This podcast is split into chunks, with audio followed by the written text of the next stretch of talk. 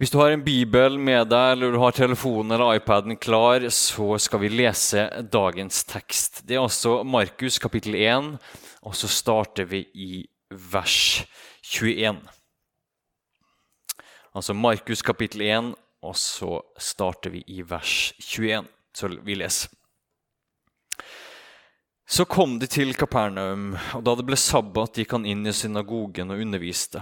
Alle var slått av undring over hans lære, for han lærte det med myndighet og ikke som de skriftlærde. Nå var det i synagogen deres en mann med en uren ånd. Han satte i å rope, Hva vil du oss, Jesus fra Nasaret? Er du kommet for å ødelegge oss? Jeg vet hvem du er, Guds hellige. Men Jesus truet ånden og sa, Ti stille og far ut av ham. Og den urene ånden rev og slet i mannen, skrek høyt og for ut av ham. Alle ble forferdet. De snakket i munnen på hverandre og sa, 'Hva er dette?' En ny lære og med myndighet. Han befaler til og med de urene åndene, og de adlyder ham. Og ryktet om ham kom straks ut overalt i hele Galilea-området. Da de forlot synagogen, gikk de rett hjem til Simon og Andreas, og Jakob Johannes fulgte med. Her lå Simons svigermor til sengs med feber, og de fortalte straks til Jesus. Han gikk bort til henne, grep henne i hånden og reiste henne opp. Feberen slapp henne, og hun stelte for dem. Da det ble kveld og solen var gått ned, brakte de til ham alle som var syke eller hadde onde ånder. Hele byen var samlet utenfor døren. Han helbredet mange som led av forskjellige sykdommer, og drev ut mange onde ånder. Men han tillot ikke de onde åndene å si noe, for de visste hvem han var. Tidlig neste morgen mens det ennå var mørkt, sto Jesus opp og gikk ut og dro til et øde sted og ba der. Men Simon og de andre skyndte seg etter ham, og da de fant ham, sa de, alle leter, et, leter etter deg. Men han sa til dem, la oss gå videre til småbyene her omkring, så jeg kan forkynne der også. Det er derfor jeg er kommet. Så dro han gjennom hele Galilea, forkynte i synagogene deres og drev ut de onde åndene.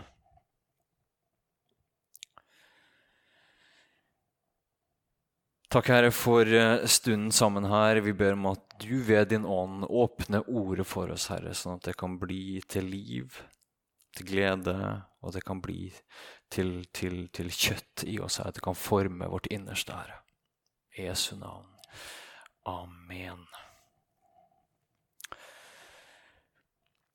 Det er en uh, kjent film som, uh, som, heter 'Braveheart', som uh, egentlig er filmatisering av skottene sin krig mot engelskmennene på begynnelsen av 1200-tallet. Det, det, er en veldig berømt scene der, hvor du kommer inn og Skottene sin motstandskamp ledes av William Wallis. og det, er en scene der han møter egentlig adelsmennene i Skottland. Alle de som sitter på eiendom og som ja, har noe å si i Skottland. De møtes i en slags forsamlingssal, og så skal han diskutere med William Wally, som utgangspunktet ikke, ikke er adelig, men som, som, har begynt å få til noe, som har kjempa mot engelskmennene, og som er opptatt av at de skal gjenvinne sin frihet. De skal kaste ut okkupantene, engelskmennene. Og Det er veldig interessant, der, for du, Plutselig så merker du at hele, hele møtet holder, altså bryter bokstavelig talt sammen. Fordi den, skots, den skotske adelen, eh, de her viktige mennene, de, de, de, begynner bare å krangle med, med hverandre. Eh, og for å sitere filmen, De begynner bare å krangle om hvem som skal få flest smuler fra den engelske kongens bord. De er ikke opptatt av å bruke titlene sine og makten sin til å gi frihet til den gjengske skotske bonden. Men de er opptatt av hvem som kan karre til seg mest mulig privilegier. Så Når møtet bryter sammen i ren krangel, så tar William Wallis med sine følgesmenn og bare forlater møtet midt i krangelen. Og, og, Ute i gården der så kommer han som er skotsk kronarving og tar tak i William Wallis og så spør han, du, vet du ikke hvem det er du snakker til? Dette er viktige menn. De har privilegier, de har store eiendommer, de har gårder. Hva tror du ikke de risikerer? Hvis han skal gå til krig mot engelskmennene. William Wallace svarer jo mesterlig. Tror du at den skotske bonden risikerer noe mindre når han går på slagmarken? Og så sier han denne linjen som er mitt poeng nå her. at menn følger ikke titler, de følger mot. Menn følger ikke titler, de følger mot. I historien i dag så er vi i en synagoge i Kapernaum. og Der er det en forsamling. Det er en gudstjeneste, kanskje litt ulik den vi er samla til her i dag. Men det er en gudstjeneste der også. Og Der også er det en gjeng med fine titler. Det er kanskje ikke pastor sånn som her. Vi, vi, jeg tror iallfall ikke vi tenker så veldig høyt om oss sjøl. Men det er skriftlærde, det er lovkyndige eh, som har en høy status på den tiden. her. Og det er sabbat, og, og lokalsamfunnet i Kampernaum samles om det her midtpunktet. Både den viktigste dagen i uken og den viktigste hendelsen i uken. Og det er en blanding av, av eh, ja, jeg tror vi kan driste oss si, å si fattige galileere, eh, vanlige folk, og, og denne religiøse eliten som har ansvaret for opplæring i loven, som har det religiøse ansvaret, men som også um, og det her kommer tydelig, Vi skal ikke snakke så mye om det i dag, men det kommer stadig opp også i teksten at de er ikke bare en religiøs elite, men de er også tidvis en politisk elite. De har bånd inn, inn, mot styresmaktene. De nyter privilegerte posisjoner under okkupasjonen uh, av romerne. De har det rett og slett godt. De har status, de har gjerne velstand. De, har, eh, de blir vel, altså de, de, er høyt ansett av folket, uh, iallfall sånn utgangspunktet. Eh, de kan lese og skrive, i motsetning til vanlige folk. De har det bra, og de har status og de har privilegier. Ikke det at, at de skriftlærde bare var, var, onde eller bare tok dårlige valg. Der var det en miks, og det, det, vet vi fra andre historier fra evangeliet. Nikodemus, som var en skriftlærde også. Det var mange som også fant Jesus, og helt sikkert var oppriktige. Men det er et mønster, og det starter gjerne her at Jesus kommer i, på en eller annen måte i konfrontasjon med denne religiøse eliten.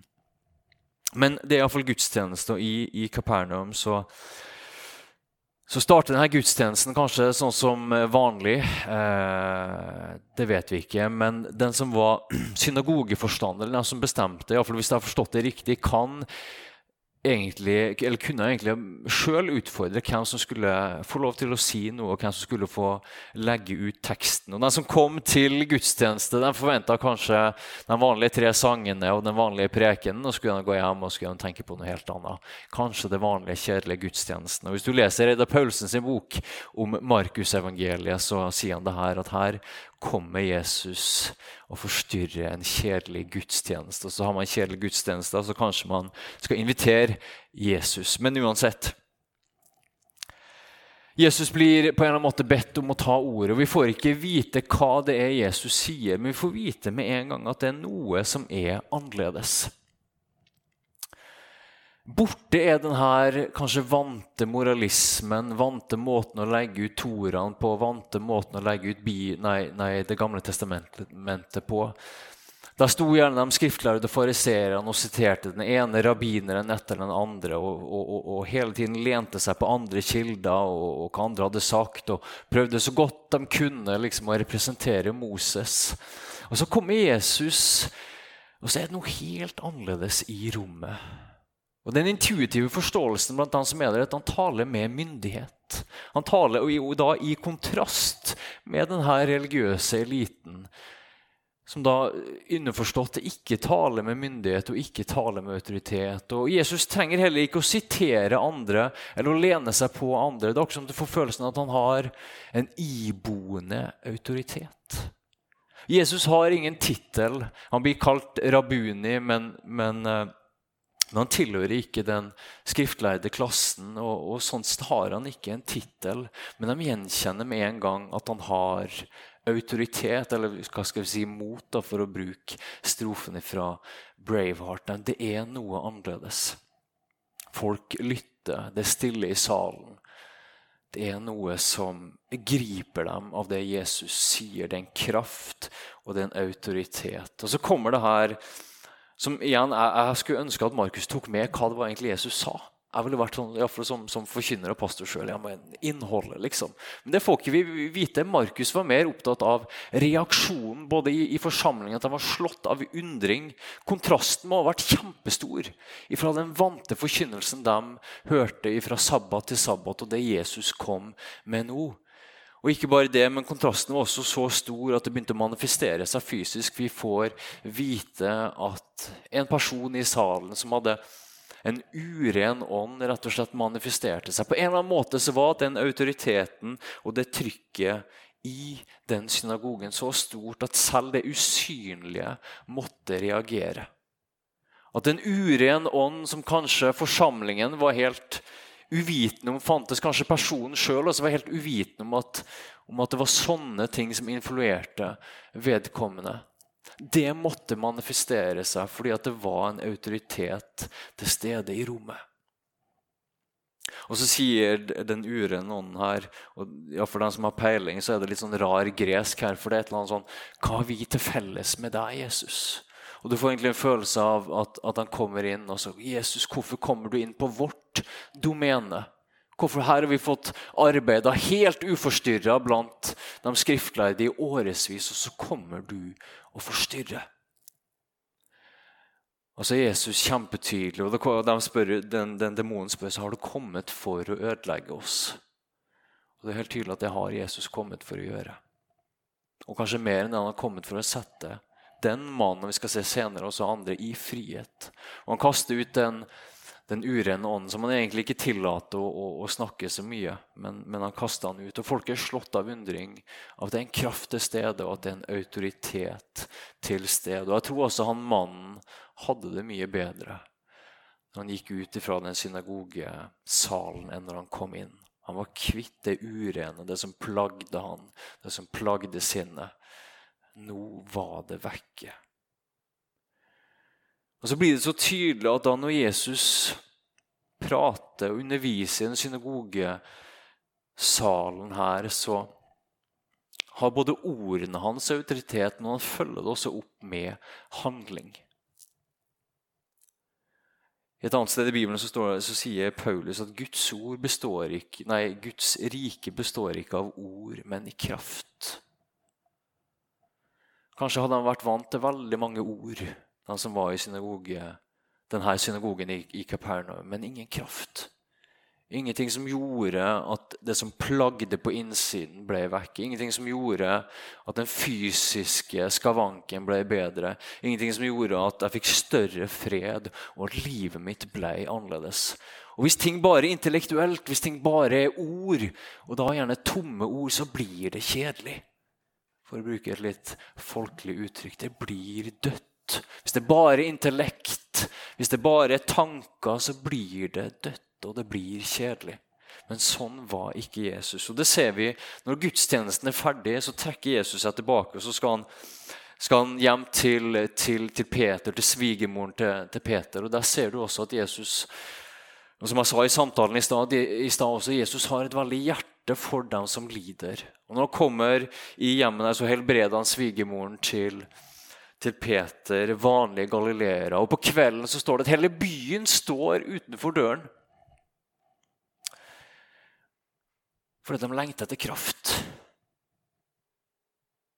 En kraft som kan endre livet. Selv om du får inntrykk av at Jesus har trukket seg tilbake bevisst, så er hans barmé, og Der ser du noe av det tydelige, hvordan Jesus går til vanlige folk. Han går ikke først og fremst til de privilegerte eller først og fremst til eliten. Han går til de her fattige galileiske bøndene som lider under tunge skatter, og som og Iallfall hvis du er syk. Tenk deg en ting hvis du blir syk i våre dag, men hvis du blir syk eller fikk en skade på den tiden, så hadde det ikke noe velferdsstat, du hadde ikke noe sikkerhetsnett. Så Hvis du ble syk, så var det egentlig ensbetydende med at du ikke kunne arbeide. Iallfall hvis du var en dagarbeider, sånn som mange var. Du kunne ikke arbeide, ergo du hadde ikke penger, ergo du hadde ikke mat. Du var på gaten. Så det å bli syk var livsfarlig. Det er det kanskje i dag også, men vi merker det kanskje mindre på kroppen. Så når Jesus står det at han helbreder, når byen var samla utenfor døren, og så helbreder han mange slags sykdommer. og kasta ut alle dem som sleit med onde ånder, så er det en fantastisk befrielse. Ikke bare blir livene til dem som er der, bedre der og da. Ikke bare demonstrerer Jesus Guds rike, men han gjenoppretter dem som personer at han kan gå ut neste dag og kanskje arbeide der de ikke kunne gjøre det, og, forsørge for, for, familien sin. Men for det andre også så blir han kvitt stigmaen som fantes i det jødiske samfunnet. For hvis du var syk, så betydde det gjerne også at du hadde mista favør hos Gud. Og Så får vi beskjed om at neste morgen så er Jesus ivrig med å stå opp, for han skal ut og gjøre akkurat det samme i landsbyene rundt. Og det interessante detalj er at han, han, går ikke først og fremst til byene, der skriftlærde sitter, der den politiske eliten sitter. Han går til landsbyene, der vanlige folk lever. Når jeg leser den teksten, her, så, så er det sånn, spørsmålet i stad hvorfor er det ikke den skriftlærde jubler mer over det som skjer, er et veldig interessant spørsmål. Et annet veldig interessant spørsmål er hvorfor ser vi ikke mer av det her i dag? Det, det, er et spørsmål som plager meg oppriktig. For Det er tydelig, og det, det får vi vite ganske raskt senere i Markusevangeliet, at Jesus forteller sine disipler at de skal få gjøre noe av det samme. Jesus er veldig tydelig på de løftene, men hvorfor ser vi ikke den samme autoriteten og den samme kraften når vi kommer sammen til gudstjeneste, eller når vi taler? For en del år siden så tror jeg kanskje at jeg ga veldig sånne enkle svar på det. At ja, du må be mer, eller du må lese i Bibelen mer. eller... Men det har blitt litt mer vanskelig for meg. Hvorfor ser vi ikke mer? Og jeg tror Det er et spørsmål man må, man må behandle med litt sånn respekt. rett og slett. For at Noen ganger virker det åpenbart at ja, selvfølgelig bruker ikke Gud oss. Andre ganger så tenker jeg ja, men nå ligger jo alt til rette Gud. Nå må det skje noe. Og Så har jeg kanskje ikke svaret i dag, men men av og til hvis du skal komme fram til et svar, så må du Et steg mot et svar kan være i å finne ut hva som ikke er svaret. Og Hvis det er en ting som kommer fram i dagens tekst, så er den kontrasten som forsamlingen opplever mellom å, å stå under undervisningen av den skriftlærde som er uten myndighet og uten kraft, og stå under Jesus som er med kraft og med myndighet. Så da blir det egentlig ok, men hvordan skal man Et steg mot å leve mer i det her er iallfall iallfall ikke være en skriftlærd. For de er iallfall uten kraft, og iallfall uten autoritet. Og Da skal jeg avslutte med å lese noe som vi egentlig har fra et annet evangelium, fra Matteusevangeliet. Der har vi et, et sted i Matteusevangeliet så har vi en seanse der Jesus refser de skriftlærde, de fariseerne. Jeg skal lese det. Jeg skal parafrasere det veldig kort.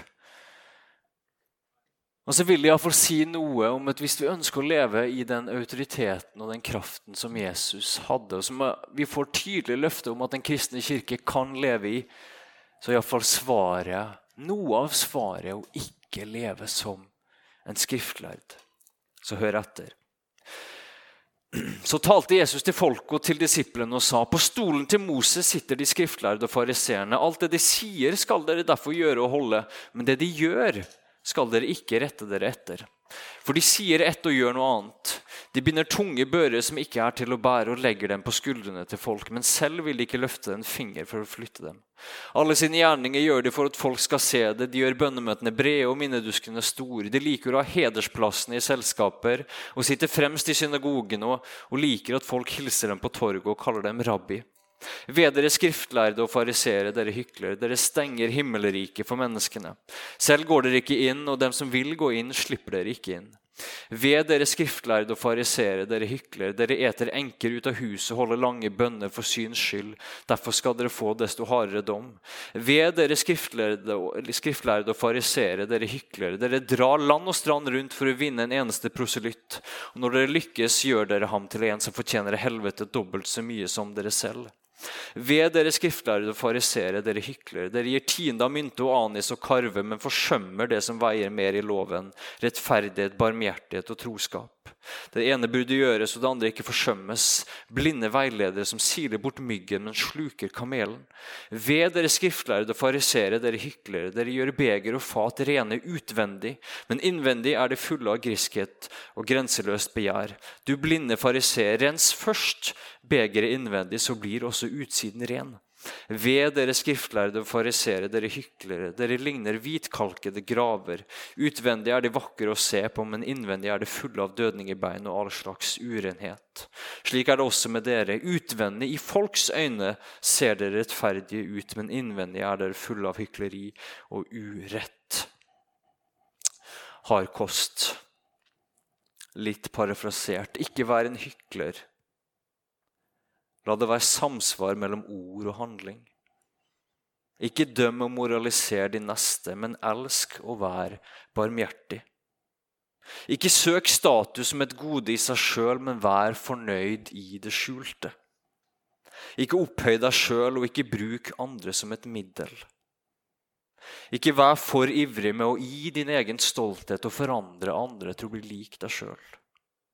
Ikke vær en religiøs og en mor moralsk perfeksjonist, slik at du glemmer det viktigste. Rettferdighet, barmhjertighet og trofasthet overfor din neste. Spesielt overfor dem som er mindre privilegerte enn deg sjøl. Amen.